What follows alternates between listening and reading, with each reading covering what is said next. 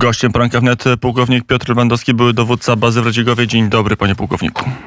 Dzień dobry panie dyrektorze, dzień dobry państwu. Mija pół e, roku, sześć miesięcy od rozpoczęcia pełnoskalowej agresji Rosji na Ukrainę. Jak możemy ten okres e, podzielić i ocenić, z czym mieliśmy przez te sześć miesięcy do czynienia pod względem wojskowym na Ukrainie? No, w zasadzie możemy podzielić na etapy trzy, czyli ten, ten etap pierwszy, kiedy Rosja dokonała pełnoskalowej inwazji, y, gdzie usiłowała, tak jak to oni określają do chwili obecnej, specjalną operacją wojskową, zająć y, y, Ukrainę. Tak naprawdę oni zakładali początkową okupację, zmianę rządu, Mm, w narracji rosyjskiej propagandy miała to być denazyfikacja Ukrainy, gdzie oczekiwali, gdzie naród ukraiński wręcz z kwiatami przejmie rosyjskie czołgi.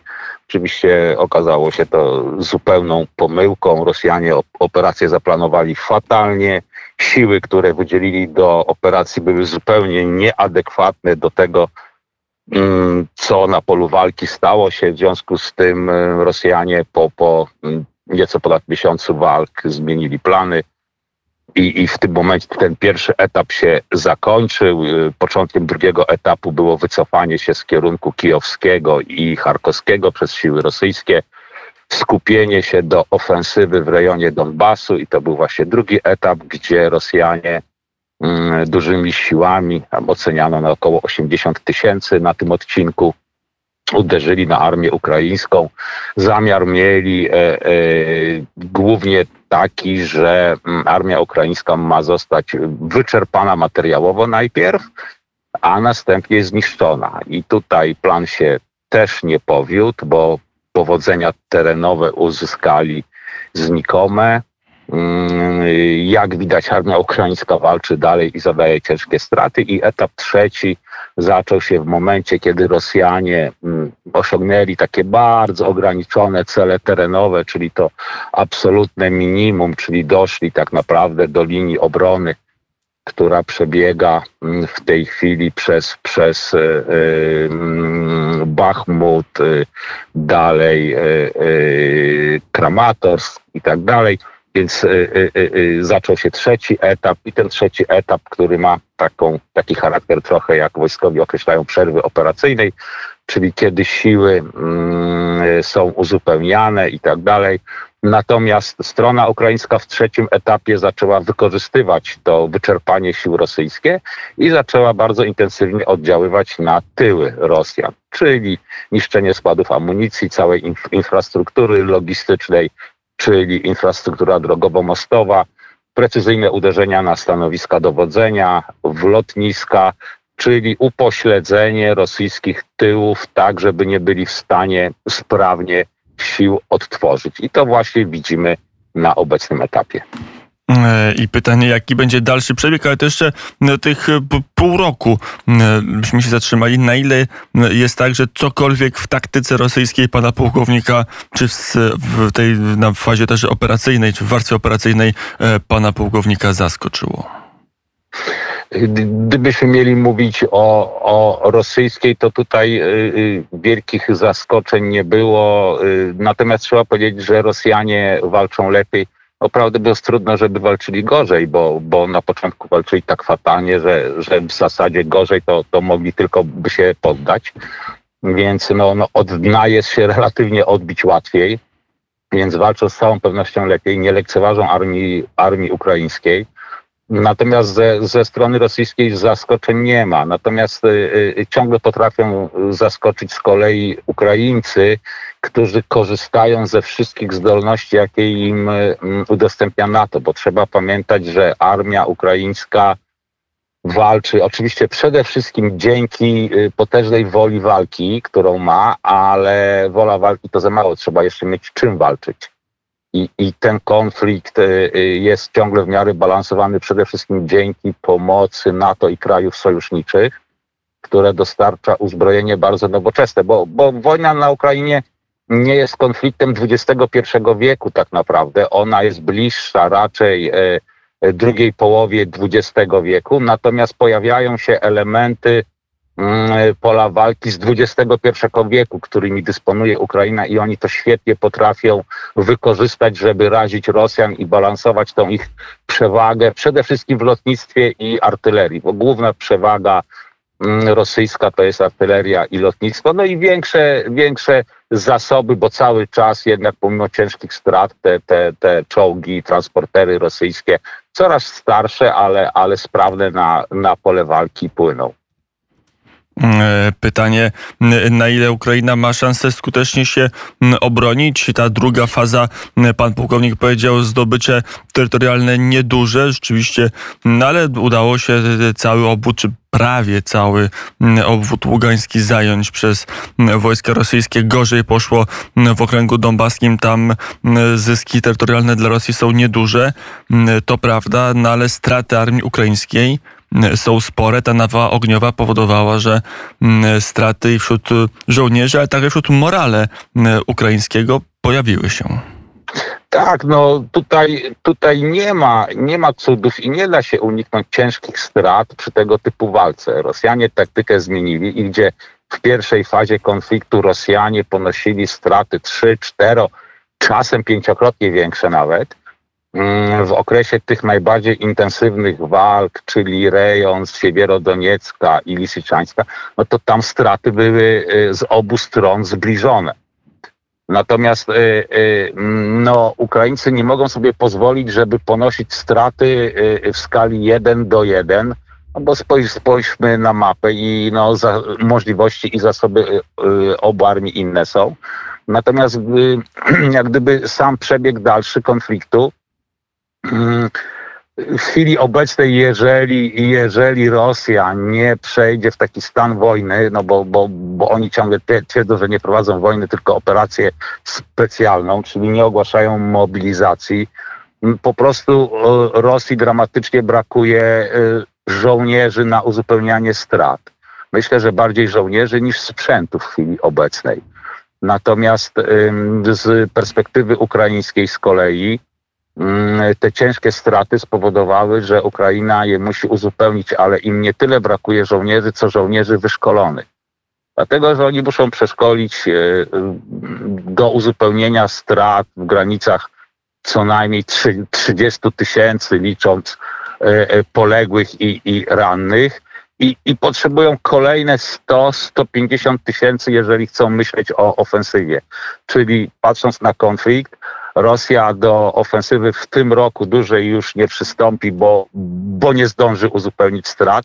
Natomiast Ukraina też potrzebuje jeszcze kilku miesięcy, żeby jakieś odwody stworzyć, które mogły mieć wpływ. Natomiast ta wojna nie, nie rozwiąże się na polu walki, moim zdaniem. Żadne siły nie, nie osiągną takiej przewagi, żeby mm, e, e, wypchnąć drugą stronę i osiągnąć cele tylko militarnie. Ona się roz, musi się rozwiązać na poziomie politycznym. Mm, e, powiedział pan pułkownik, że można podzielić na trzy fazy. Mamy tą obecnie trzecią fazę, fazę, gdzie działania są prowadzone, mm, e, żołnierze giną na, na froncie po jednej po drugiej stronie, ale nie widać żadnych znaczących ruchów, ani Ukraina nie jest w stanie, a może nie chce odbić mm, Hersonia. Tak samo Rosjanie nie są w stanie poruszyć frontu, czy tak w sposób wyraźny, czy to w, na Donbasie, w Doniecku, czy, czy w, w obwodzie charkowskim to będzie teraz trwało do, do zimy, zanim strony się dozbroją? Moim zdaniem tak, bo każda strona jakimiś rezerwami, bo jednak wojnę się prowadzi w taki sposób, żeby te rezerwy na, na poziomie operacyjnym, czyli takim średnim, utrzymywać. I jak patrzymy, wystarczy na mapę spojrzeć, gdzie Mm, Ukraińcy, bo, bo mówiliśmy, że e, e, Ukraina rozpocznie ofensywę e, na Hersoń lada dzień. Były takie informacje. Ja osobiście byłem do tych informacji zdystansowany, dlatego że no po prostu nie, nie widziałem tych sił ukraińskich, które by były zdolne do tego na chwilę obecną. Mm, natomiast Ukraina nie chce prowadzić takich ograniczonych działań, które by spowodowały duże straty, a ona by te rezerwy straciła więc Ukraina rezerwy ma, ale je cały czas utrzymuje i je powiększa. Z kolei Rosja też ma rezerwy, ponieważ atak na Krym wymusił na Rosjanach przerzucenie tych rezerw z Donbasu na kierunek krymski i dalej e, e, zaporowski i Herson. I i, i tam stacjonuje odpowiednik mniej więcej 10 brygad rosyjskich, czyli gdyby one w pełni były uzupełnione, to byłoby odwody rzędu 35-40 tysięcy ludzi. Natomiast y, y, według wszelkich informacji, które płyną, wynika, że rosyjskie jednostki nie uzupełniły jeszcze ciągle strat, ale dalej są to siły znaczne, czyli te odwody istnieją, natomiast żadna ze stron nie chce w tej chwili ich użyć, żeby bez jakichkolwiek odwodów po prostu pozostać. Więc y, wielkich ofensyw nie. Ja myślę, że jeszcze przed jesienią, czyli zanim to okienko pogodowe się zamknie i, i, i, i zacznie się okres opadów, gdzie, gdzie część Ukrainy zmieni się mm, w ten teren nieprzekraczalny dla, dla sprzętu y, zmechanizowanego, to być może któraś ze stron jeszcze jakieś działania podejmie, ale one nie będą kluczowe, nie będą jakimiś spektakularnie dużymi siłami i wojna będzie trwała nadal. Ja myślę, że tutaj intencją Rosji jest, żeby Zachód się po prostu do tej wojny przyzwyczaił, mówiąc kolokwialnie, i przestał się nią interesować. A, a musimy pamiętać, że no, y, y, kraje, kraje Zachodu, demokracje, one trochę planują od wyborów do wyborów swoje dzia działania, no bo głównie jednak opierają y, się na, na słupkach poparcia i tak dalej. Jeżeli poparcie dla Ukrainy zacznie słabnąć, to i niestety, ale zainteresowanie rządów może zacząć słabnąć też. Mm, w razie mamy deklarację o kolejnych dostawach zbrojeń. To o tym jeszcze, panie pułkowniku, mm, powiedzmy słów kilka. Pułkownik Piotr Lewandowski, gościem Radia Wnet. Wydaje się, że, a może to się tylko zbiegło w czasie, ale że przejście od tej drugiej fazy, kiedy Rosjanie powoli, ale parli do przodu, do tej trzeciej fazy, to teraz mamy, czyli pewnej stagnacji na froncie, że to się zbiegło w czasie z pojawieniem się artylerii rakietowej amerykańskiej na Ukrainie w rękach armii ukraińskiej. Na ile jest tak, że ta przewaga przewaga technologiczna w niektórych aspektach uzbrojenia, którą ma Ukraina dzięki dostawom z Zachodu, no, może dać e, nie tylko taktyczną, ale także operacyjną przewagę na rzecz Kijowa. Znaczy, ona, ona dała, tak, nie tylko może, ale dała, dlatego że Ukraińcy wykorzystują do maksimum te zdolności, które utrzymują. Ja na przykład byłem, byłem zaskoczony, bo re, relatywnie niewielka ilość e, wyrzutni HIMARS, przecież ich e, było zaledwie kilkanaście, one miały wpływ właśnie operacyjny, gdzie, gdzie taka cyfra, taka ilość ich jest na poziomie taktycznym liczona, mm, czyli w zasadzie powinna działać na relatywnie wąskim odcinku, ale jak gdyby sprawność planistyczna ukraińska plus rozpoznanie natowskie spowodowało, że ona miała wpływ na tym poziomie operacyjnym, czyli znacznie wyższym. Nieprzypadkowy jest termin oczywiście ogłoszenia dużej kolejnej transzy pomocy przez Stany Zjednoczone. To się zbiegło ze świętem niepodległości ukraińskim. Jest, jest to kolejna olbrzymia transza. Natomiast y, y, to jak gdyby y, do, do prowadzenia wojny potrzeba pieniędzy, tylko nie pieniądze walczą. Mm, jeszcze trzeba mieć co za to kupić i, i to dostać to, co jest najbardziej potrzebne a to trochę tak jest, że pieniądze się pojawiają, ale no, Ukraina musi brać to, co akurat jest. Co prawda Ukraina ma już kontrakty zbrojeniowe, między innymi z Polską przecież, ale no, trochę czasu zajmie, zanim ten sprzęt się pojawi. Z kolei Rosjanie, y, y, oni kończą przestawiać y swój, swój przemysł na produkcję wojenną. To tam się pojawiła cała taka długa litania ustaw, Mm, e, w Rosji, gdzie bez ogłaszania e, mobilizacji, no bo mobilizacja to nie tylko wojsko, ale i gospodarka, więc bez ogłaszania, bez ogłaszania mobilizacji tak naprawdę przemysł rosyjski przeszedł na system wojenny produkcji. I to zajmuje trochę czasu, ale ten czas pewnie mija. No więc z kolei Rosja też e, te dostaw, tych dostaw będą mieli raczej więcej, a nie mniej. Stąd konflikt na pewno po części pełzający. Jeżeli nie znajdzie się rozwiązanie polityczne, to niestety, ale on może trwać naprawdę, naprawdę długo. I będzie się przeciągać. Jaka może być taktyka rosyjska na wymęczenie? Przed nami zima, ona w Polsce, ale w Europie Środkowej, kraje bałtyckie, południe będzie ciężka, w Niemczech również do lekkich nie będzie należeć, ale na Ukrainie będzie ekstremalnie trudna. To jest ta taktyka, że skoro Rosja nie jest w stanie zwyciężyć jednoznacznie na polu bitwy, to, to będzie starała się zmęczyć ekonomicznie Ukrainę? Tak, dlatego że no, ocenia się, że około 45% infrastruktury ukraińskiej y, jest y, albo całkowicie zniszczone, albo na tyle upośledzone, że nie można korzystać z niej. I teraz rzecz, rzeczywiście zima, więc być może kolejna, kolejna fala y, uchodźców, ludzi, którzy nie będą mieli warunków do życia. Przecież kiedy oglądamy materiały filmowe z Ukrainy, w tej chwili ludzie mieszkają obok domów. No na razie okej, okay, bo jest ciepło ale co się stanie, kiedy, kiedy przyjdą chłody, deszcze. Yy, więc na to, na to liczą Rosjanie, że trudne warunki bytowe być może zmienią trochę podejście narodu ukraińskiego do wojny i on się tą wojną zmęczy. Poza tym z całą pewnością Rosja będzie korzystać z takich innych działań, które są bliższe działaniom hybrydowym, jak choćby terror e, e, jądrowy, czyli cały czas gdzieś tam grożą Mm, bo to, to, to tak naprawdę groźby są, grożą kwestiami e, e, elektrowni mm, na Zaporożu. Więc, więc tu myślę, że Rosja jakieś ruchy, których jeszcze nie znamy, ale zacznie też wykonywać z tych działań dodatkowych jeszcze.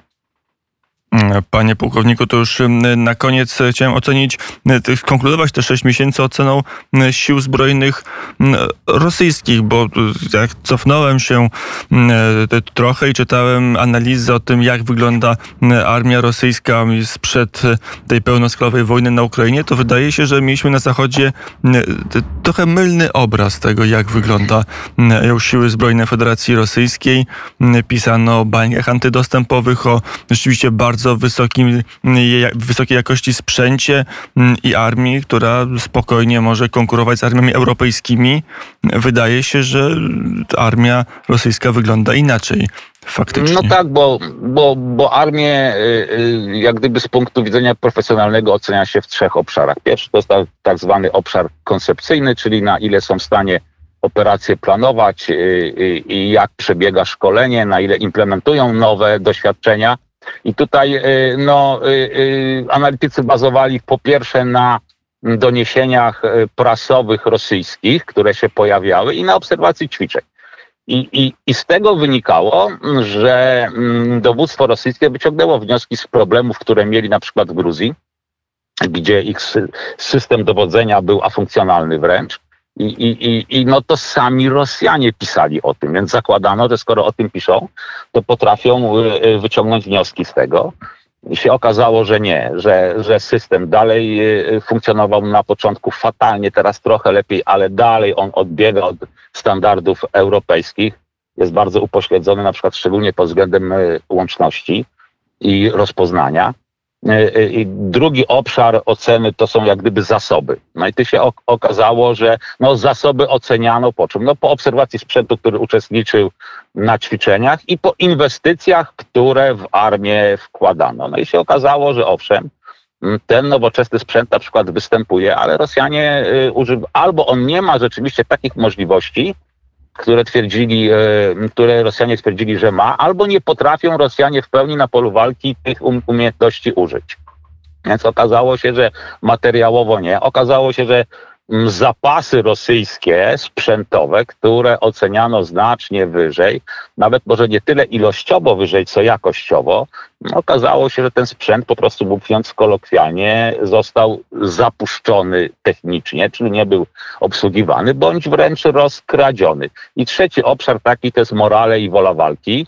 No i tutaj y, y, oczywiście nie, nie mylmy, ja, ja zawsze powtarzam, nie mylmy morale z moralnością, bo, bo tu u Rosjan to są dwie różne rzeczy, tak?